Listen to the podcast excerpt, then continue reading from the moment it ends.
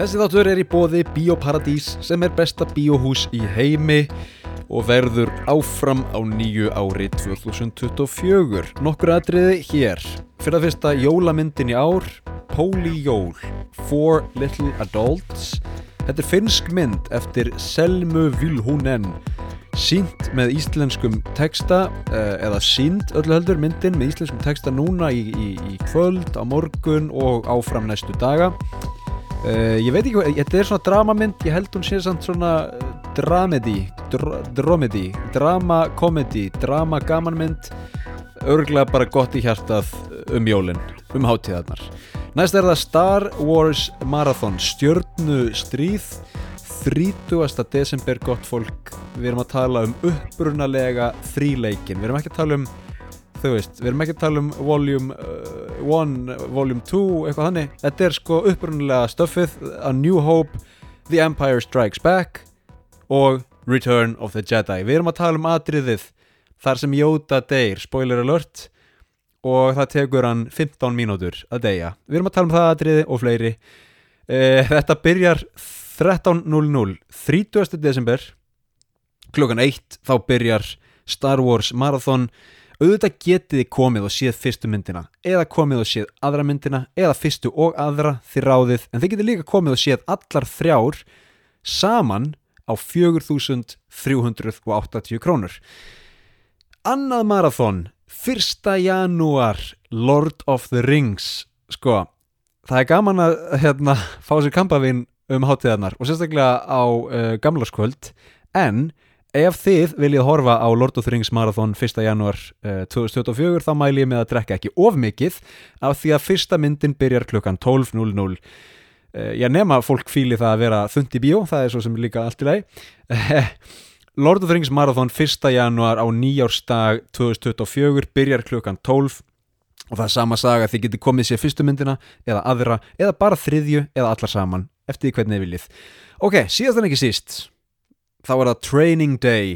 Uh, æfingadagur skulum við kalla það á íslensku. Þetta er náttúrulega sko, þetta er bíómynd með Denzel Washington og Ethan Hawke. Og það er verið að sína hana á föstudagspartisýningu 5. janúar klukkan nýju um, ef fólk hefur ekki séð þessa mynd þá ætla ég ekki að hafa fleiri orðum það ég segi bara, hún er góð, hún er virkilega góð.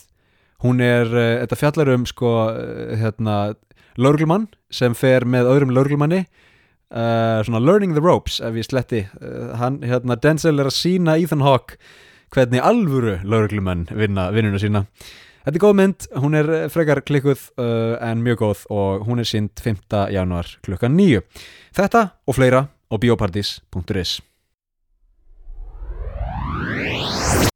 Gott fólk, veru velkomin í þátt númer 106. Það er hlaðvarpið heimsendir sem heilsar hér frá Sapporo í norður hluta Japans. Það snjóar, það snjóar, það snjóar. Það er 27. desember þegar þetta er tekið upp. Ég ætla ekki að gefa þáttin út í dag. Ég er á móti því að fólk vinni uh, yfir hátíðarnar. Ég er á móti því að fólk uh, sé að beina aðtekli sinni annað en til vina og uh, ættingja og fjölskyldumæðluma en ég persónulega fæ að vinna en það er hungin jól í Japan. Ég menna þetta er, ekkit, þetta er ekki neitt neitt hérna. Við opnum nokkra pakka og uh, ég ætlaði að gera beef Wellington. Komst síðan að því að kílóverðið á Nautalund er 25 skall í Japan. Þannig að ég kefti bara kjúkling og opnbakaði hann og það hefnaðist bara nokkuð vel. Uh, en annars eru jólinn bara lástemt hérna. Ég er hérna 2050 í gær, jóladagur þá uh, bökuðum við kökur og horfðum á 8 Mile. Það, hérna, það var þetta bara mjög næst 8 Mile er mynd sem er hægt að horfa á alveg aftur og aftur og aftur. Hörðu, höfum þetta ekki lengra. Sko, í þessum þætti ætlum við að tala um myndavilar og sögu myndavila í Japan og myndavila framleiðenda.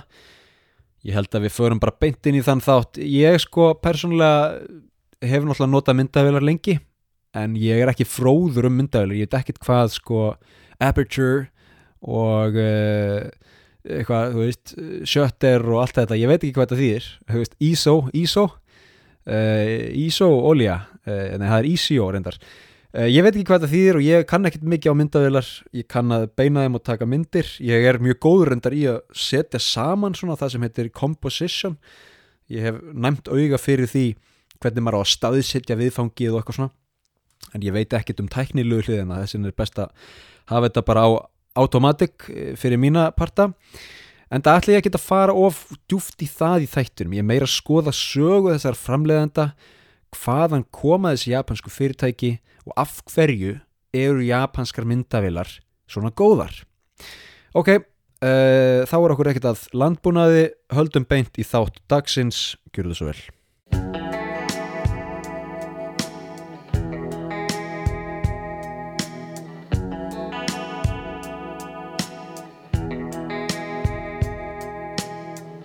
Ef maður googlar bestu myndavélar í heimi árið 2023 þá fær maður eftirfarandi lista. Númer 1. Canon EOS R3 Númer 2.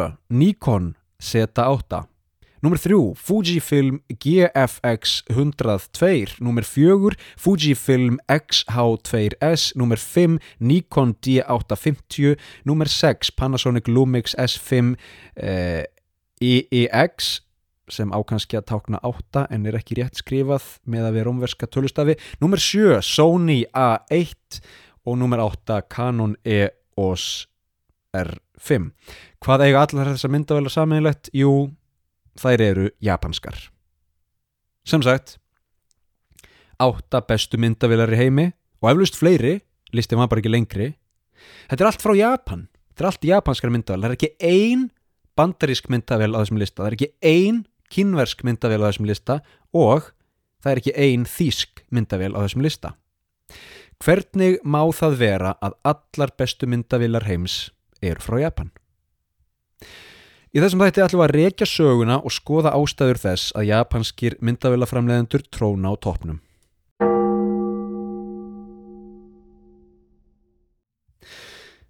Árið 1868 tók Japan ákvörðun um að snúa baki við samúræjum og geysjum og hefja upplýsinga og yðnbyltingu sem hlaut titilinn Meiji enduristnin. Ekki einhliða ákvörðun, sumstaðar blóðug baróta, en þrátt fyrir mótlæti gekk endurreistnin í gegn. Við höfum fjallað um Meiji endurreistnina áður, sérstaklega ítarlega í seríunni um japansku heimstýröldina sem ég mæli með að fólk skoði. Við ætlum þess vegna ekki að kafa djúft í aðdraganda að japansku hugviti og tæknithróun í þessum þætti, en í grunninn er þetta þannig að með Meiji endurreistninni fór Japan að yðnvæðast og tæknivæðast að vestrætni fyrirmynd. Japan sendi vísindamenn, listamenn og stjórnmálamenn til Evrópu og Bandareikjana að skoða og eða stela hugmyndum og tækniníjungum, færa síðan aftur til Japan og yfirfæra á eigin stíl. Japan var og er enn upplugt í að taka hugmyndir frá öðrum þjóðum og besta þær.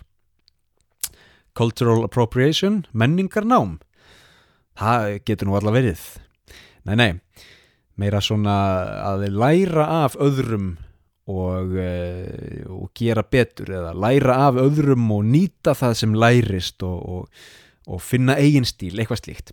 Upp úr 1900 var Japan sem sagt orðið upplugt í alls konar yðnaði og framleiðslu á alls konar málmum sem og íhlutum í yðnað og tækni og stuttu síðar spreytir Japan sig á framleiðslu ráftækja. Við byrjum sögu japanskara myndavela á fyrirtækinu Nikon sem var stopnað árið 1917. Söguna ætla ég að rekja í tímaröð og eftir því sem ég best veit var Nikon fyrsti myndavélaframleðandi Japans. En Nikon byrjaði ekki á myndavélum. Það var stopnað í kringum linsugerð eða almenna sjóntækni á ennsku Optical Technology. Við erum að tala um sjónauka, smásjár, sjónpípur í kavbáta og fleira. Á stríðsárunum 1939 til 45 reyndar í Japan byrjaði stríðið 37 ég meina, þú veist, potato, potato allt það, skiptir ekki máli, á stríðsárunum var Nikon mikilvægur framleiðandi á hergögnum og starfrækti 30 verksmiðjur viðsvegar um Japan. Eftir stríðið fór Nikon að setja meira púður, ekki bissupúður en þið vitið, í framleiðslu á myndavélum og myndavéla linsum. Nikon framleiti meira segja fyrstu linsurnar í kanon myndavélar en við komum betur að því á eftir. Fyrsta Nikon myndavélin kom út árið 1948, hún hétt Nikon 1 og er fyrirtækið Nikon emitt skýrt eftir henni. Upphálega hétt það sem sagt eitthvað annað. Þessi fyrirtæki heit oft mjög laungum nöfnum þegar þau byrja. Japanski framlegandin á alls konar linsum og öðrum ráftækjum svona, svona nöfn. Svo kemur einhver og segir er þetta ekki svolítið langt? Hvað með bara Nikon? Já, góð hugmynd. Ok, breytum því. Uh, eitthvað svona. Upp úr 1960 tók Nikon yfir myndavélamarkaðin eins og hann leggur sig og varð eitt vinsalasta merki atvinnuljósmyndara með F-serju sinni. Af hverju?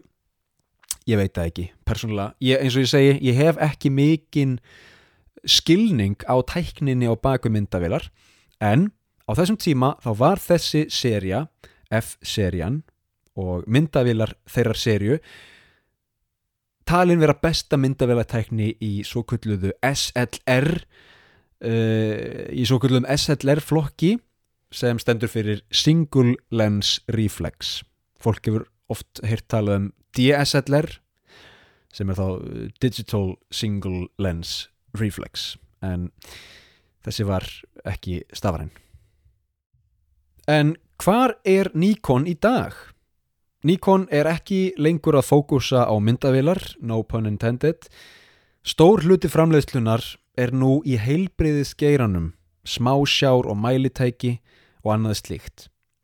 Auðvitað þegar ég segja Nikon sé ekki lengur að fókusa á myndavilar þá er það samt þannig að margar af bestu myndavilum heimsins eru ennþá frá Nikon.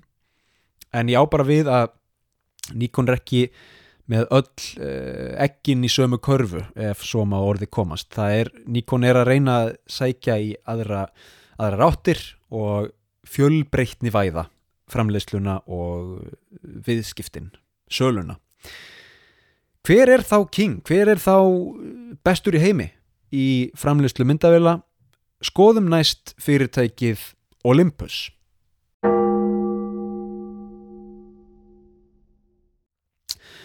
Olympus var stopnað árið 1919 og það var eins og Nikon fyrstum sinn aðalega framleiðandi á smásjám og öðrum mælitækjum á borði hitamæla.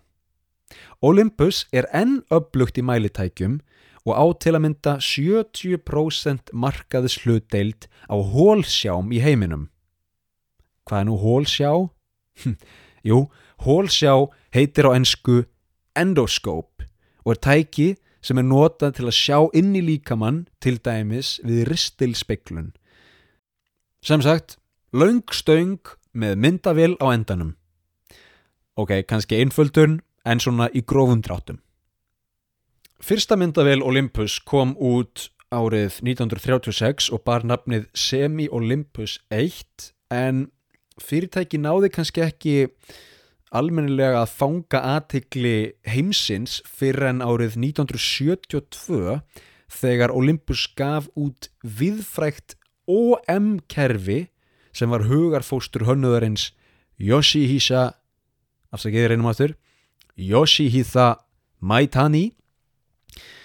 OM-kerfið var 35mm SLR kerfi munið Single Lens Reflex sem hafði þann ás í erminni að vera smærra en það sem keppinautarnir buðu upp á.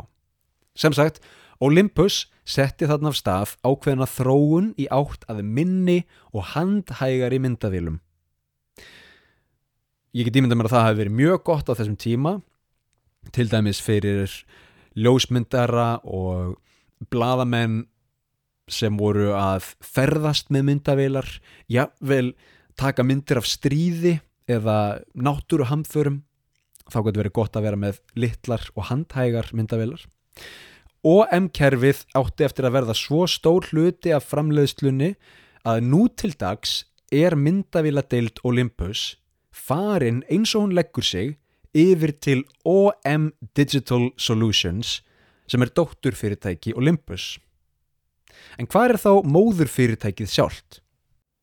Jú, Olympus er enn á bólakafi í heilbreyðisgeranum með mikla framleiðslu á fyrrnemdum hólsjám, ómsjám, hreinsibúnaði og brennibúnaði sem heitir á ennsku electrocautery sem er notaður til að fjarlæga vefi og loka æðum. Árið 2012 ákváðu Sony og Olympus að samina krafta sína til að hanna og framleiða hólsjá með 4K upplausn. Ímyndið ykkur það? Að sjá eigin ristil í háskerpu. Olympus er líka einn upplöðasti framleiðandi heimsins á smásjám.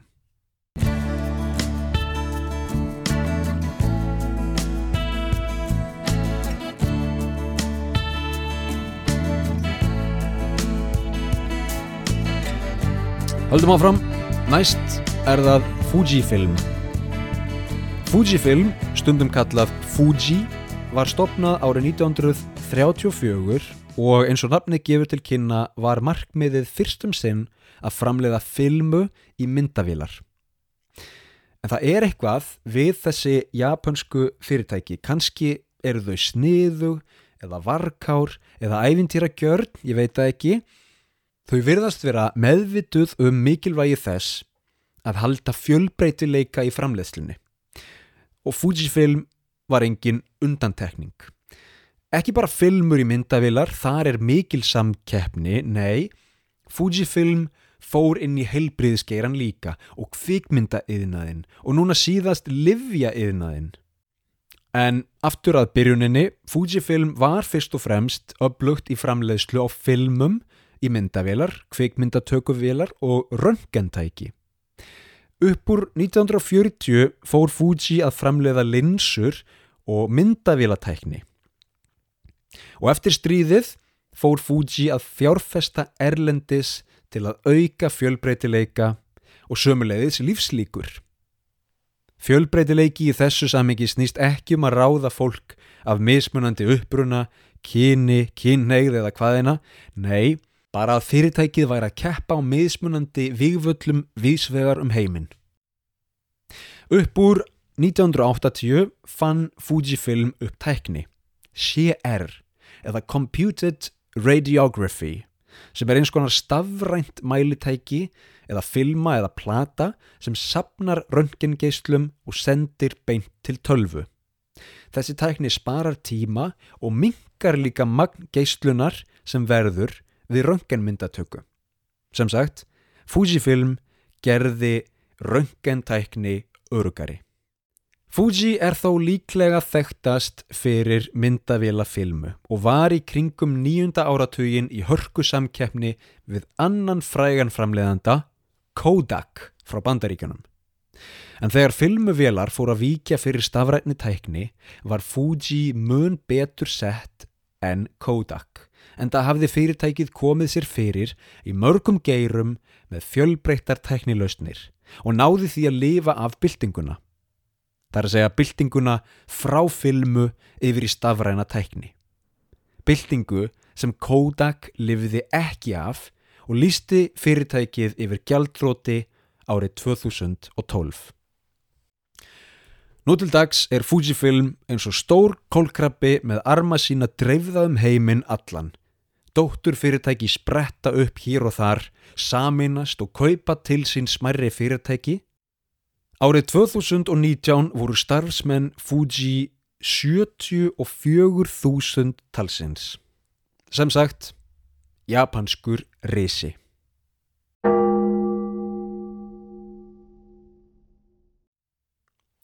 Næst er það fyrirtæki sem ég held að fá ykkar hafi heyrt á minnst, Ricoh. Ricoh var stopnað árið 1936 í Tókjó sem almennt ráftækja fyrirtæki.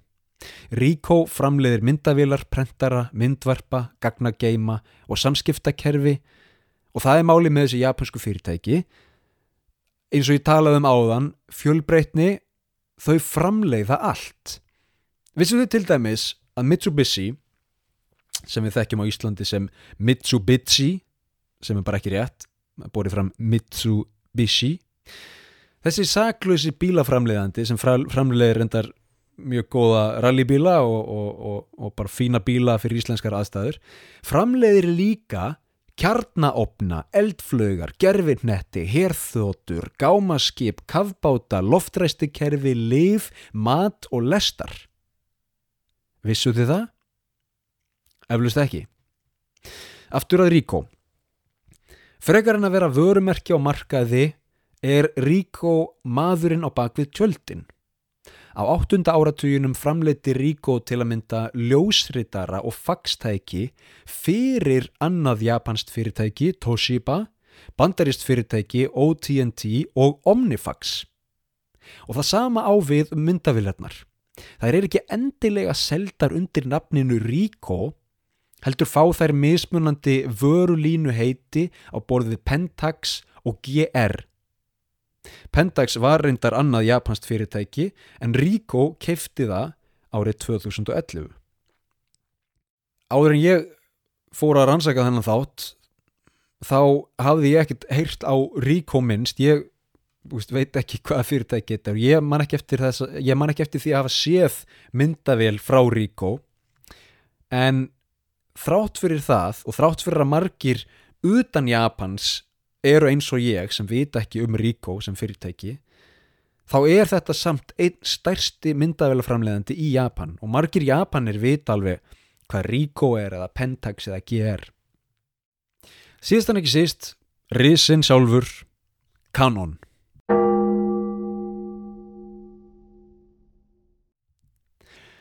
Canon var stopnað árið 1937 þó undir öðru nafni Precision Optical Instruments eða sjónræn nákvæmni tækni. Fyrirtækið framleiti myndavilar en notaðist fyrstum sinn, eins og áður kom fram, linsur frá öðru japansku fyrirtæki Nikon. Upp á 1960 var eigin framleiðisla þó komin á fullt og Canon fór að rulla út myndavilum undir eigin nafni. Þar á meðal var Canon 7 Rangefinder myndavilin Hvað er rangefinder? Eftir því sem ég best veit eða tæki sem mælir fjarlægð frá myndavelinni og stillir fókusin út frá því. Sem sagt myndirnar koma út í mjög skörpum fókus. 1971 Canon F1 hágæða SLR myndavél með FD Canon linsum. Nokkru síðar, 1976, kemur út Canon AE1, fyrsta myndavil heimsins með örtölvu. Önnur frumkvöðla starfsemi Canon leitt dagsins ljós árið 1992 þegar fyrirtækið gaf út fyrstu myndavil heimsins með Eye-Controlled AF. Sann sagt, uh, einhver sko, sjálfrænum, sjálfrænum fókus sjálfrænt, sjálfstæður sjálfstæður fókus. Uh, sjálf, sjálfstýrður fókus sem stýrist af augnarreyfingum ok, þetta er höfum þetta bara einsku Eye-Controlled AF Eye-Controlled Autofocus hvað er það? Er það þegar myndavílinn finnur augu viðfangsins og fókusar? Nei, nei, nei það er Eye Detection and Tracking Eye-Controlled AF er tækni sem les staðsetningu og stefnu sjáaldurs ljósmyndarans og fókusar eftir því. Úf, veist, ég þrátt fyrir að vera, vera verkfræði lærður þá er ég nú ekki alveg þá er ég ekki alveg þessum uh, geira. Ok, en Canon framleiðir ekki bara myndavilar Nei, við erum að tala um prentara, myndvarpa, myndband, tökuvélar, ljósritara, sjónauka, smásjár, röntgenvélar, ómsjár, MRI, skanna, reiknivélar, gerfinnetti og fleira. Eins og ég segi, þessi japansku fyrirtæki framleiða bara allt.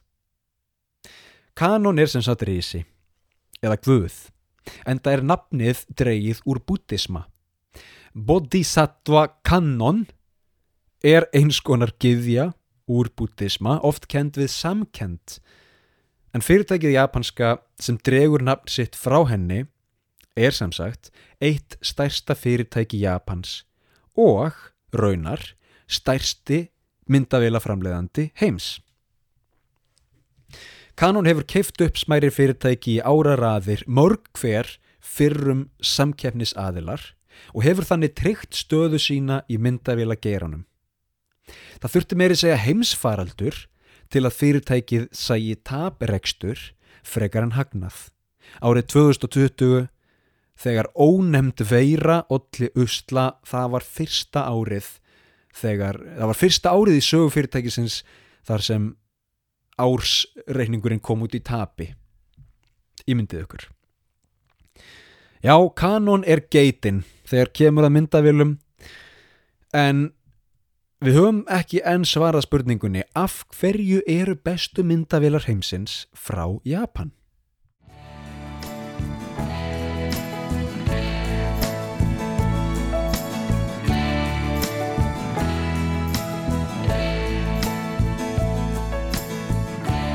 Það eru margvíslegar ástæður fyrir því að Japan ræður myndavélamarkaðinum.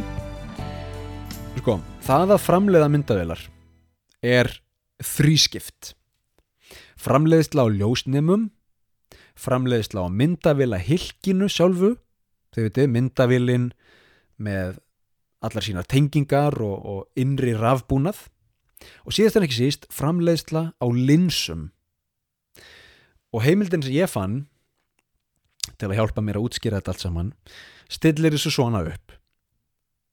Ljósnemar eru mikilvægir en geta til nýsköpunar er kannski takmörguð þú veist, þetta er eins og hjólið.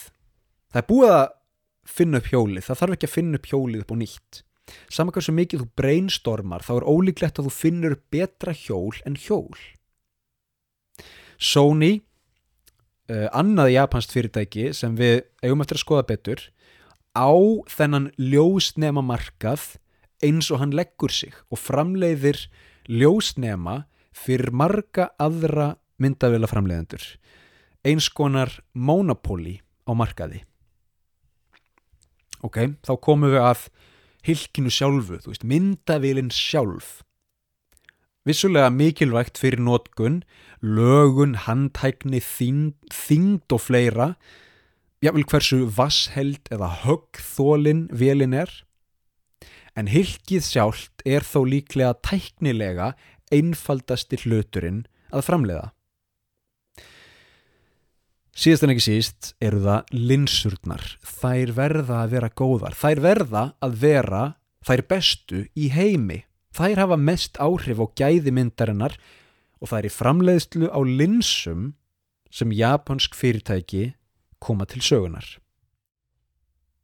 Framleiðsla á linsum er nákvæmnis vinna sem krefst góðrar hönnunar og góðra framleiðslu aðferða.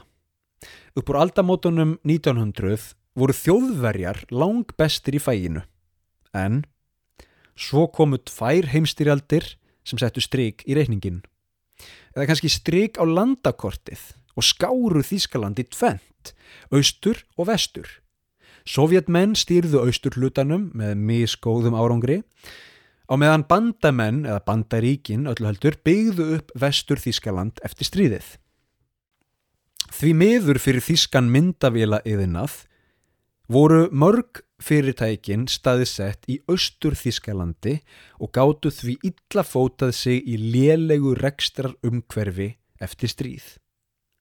Laika er þýskur myndavælaframleðandi sem lifði af enda staði sett í vestrinu. Á meðan að Þæs hérna, á íslensku bara Sæs eða eitthvað en á þýsku vantilega Þæs, Þæs seta EISS annar framleðandi staðsettur í austrinu náði rétt svo að forða sér frá gjaldþrótti Hvort þýsku framleiðandurnir livðu af eða ekki skiptir litlu máli. Tíminn skiptir öllu máli. Þarna var komið tækifæri fyrir aðra til að koma inn og fylla í gat á markaðinum og það voru Japanir. Auðvitað urðu japanskar verksmiður og framleiðendur líka illa úti í stríðinu en endur uppbyggingin eftir stríð var eins og nú er þekkt kraftaverki líkust og fljótlega höfðu fyrrnemt fyrirtæki Nikon, Canon, Fujifilm og Olympus tekið yfir markaðin. En við erum samt ekki búin að svara því af hverju Japanir náðu þessum árangri. Bandaríkin voru líka upplögi framleiðislu og ekki í rústum eftir stríðið. Af hverju sprutt ekki upp bandarísk myndaðela fyrirtæki? Eða rústnesk? Hér koma nokkrar ástæður. Japanska hagkerfið eftir stríð lagði mikið upp úr alþjóðlegri samkeppni. Stefnan var alltaf sett á heiminn. Sem sagt, gott og vel, þú mátt fara hérna framlega bíla, alltaf lagi, og ég sem fórsetisráð þeirra eða, eða einhver hérna, talsmaður ríkisins eða whatever, ég sem ríkið skal gefa þér fjármagn til að fara framlega bíla, en þú verður að einblýna á að komast inn á alþjóðamarkað. Bílarnir eru ekki bara gerðir fyrir japanskan markað, þeir verða að vera samkeppnishæfir erlendis. Þetta er bara dæmi um stefnu sem var sett í japansku hagkerfi eða japanskum efnahag. Japan varð fljótt og er enn útflutningsmiðað hagkerfi og það sama átti við um þróun, hönnun þróun og framleiðslu á japanskum myndavélum. Þær verða að vera samkeppnishæfar á alþjóðum, alþ, alþjóðlegu markaði. Ok, það er fyrsta. Næst kemur önnur ástæða. Bandarískir ljósmyndarar og bladamenn skutu kóreustríðið með japanskum linsum.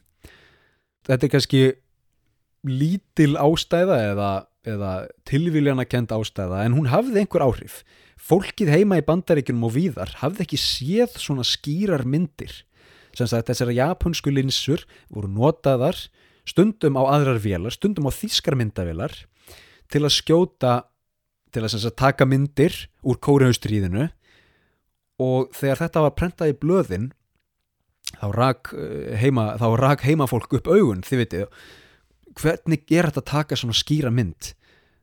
Jú, með japanskum linsum. Þriði ástæðan er að einhverju leiti tengt fyrstu ástæðinni. Japanskum framleiðendum var bannað að framleiða eftirlíkingar. Til dæmis eftirlíkingar þýskra myndavila eða þýskra linsa sem Japan reyndar gerði áður.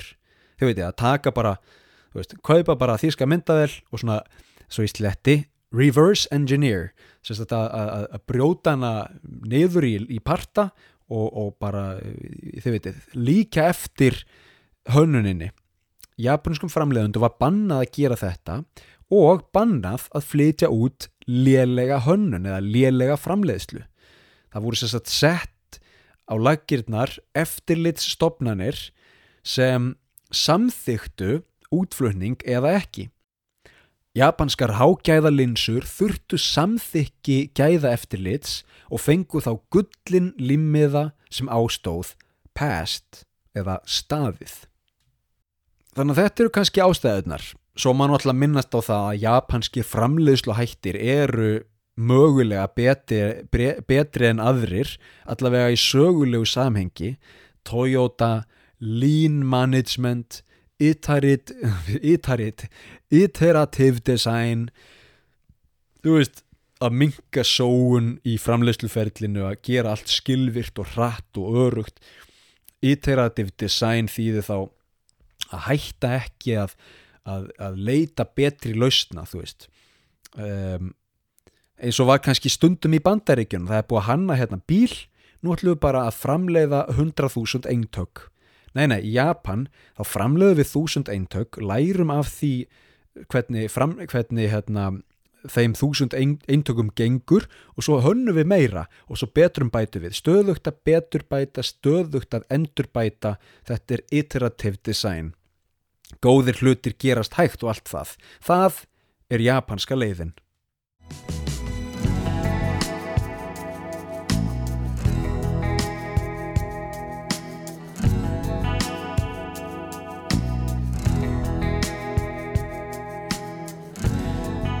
Við erum búin að skoða nokkra af helstu japansku framleiðandunum en auðvitað eru til fleiri. Sony og Panasonic eru vissulega stór fyrirtæki í myndavélabransanum en ég ákvaða að sleppa nánari umfjöllun um þau fyrirtæki þar sem framleiðslan er miklu breyðari en bara myndavélar. Sony og Panasonic eru almennir ráftækja framleiðandur, ekki endilega með sérstæka áherslu á myndavélar. Sony er til að mynda einn stærsti sjónvarpsframleiðandi heimsins og aðrar frægar vörur eru til dæmis Walkman, CD eða geisladiskaspilarinn og Playstation leikjatölvan. Panasonic er líka risi með um 240.000 starfsmenn á heimsvísu. Fyrirtækið framleiðir enn og aftur nánast allt. Loftræstikerfi, ískápar, þottavílar, sjómvörp, ljós, fartölfur, hátalarar og heyrnatól, snjallsímar, myndavílar, myndvarpar, batteri og íhlutir í rafbíla, afþreyingartæki, flugvélar og reyðhjól. Þessi japansku fyrirtæki eru eins og einhvers konar allt múligmand með verksmiðju getu á við 100.000 manns. Japan er sem sagt leiðandi í myndavélaframleiðslu á heimsvísu. En notar einhver myndavílar lengur? Maður spyrir sig, hverjum er ekki drullu sama um Canon og Nikon myndavílar?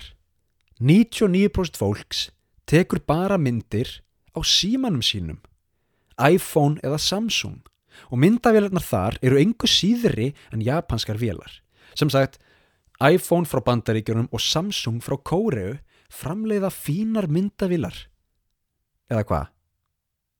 Nei, iPhone myndavílarnar eru framleitar af Sony sem er japanst fyrirtæki. Apple fór leint með það um nokkurt skeið en kokkurinn sjálfur, Tim Cook, hefur staðfest samstarfið. Hvað með Samsung?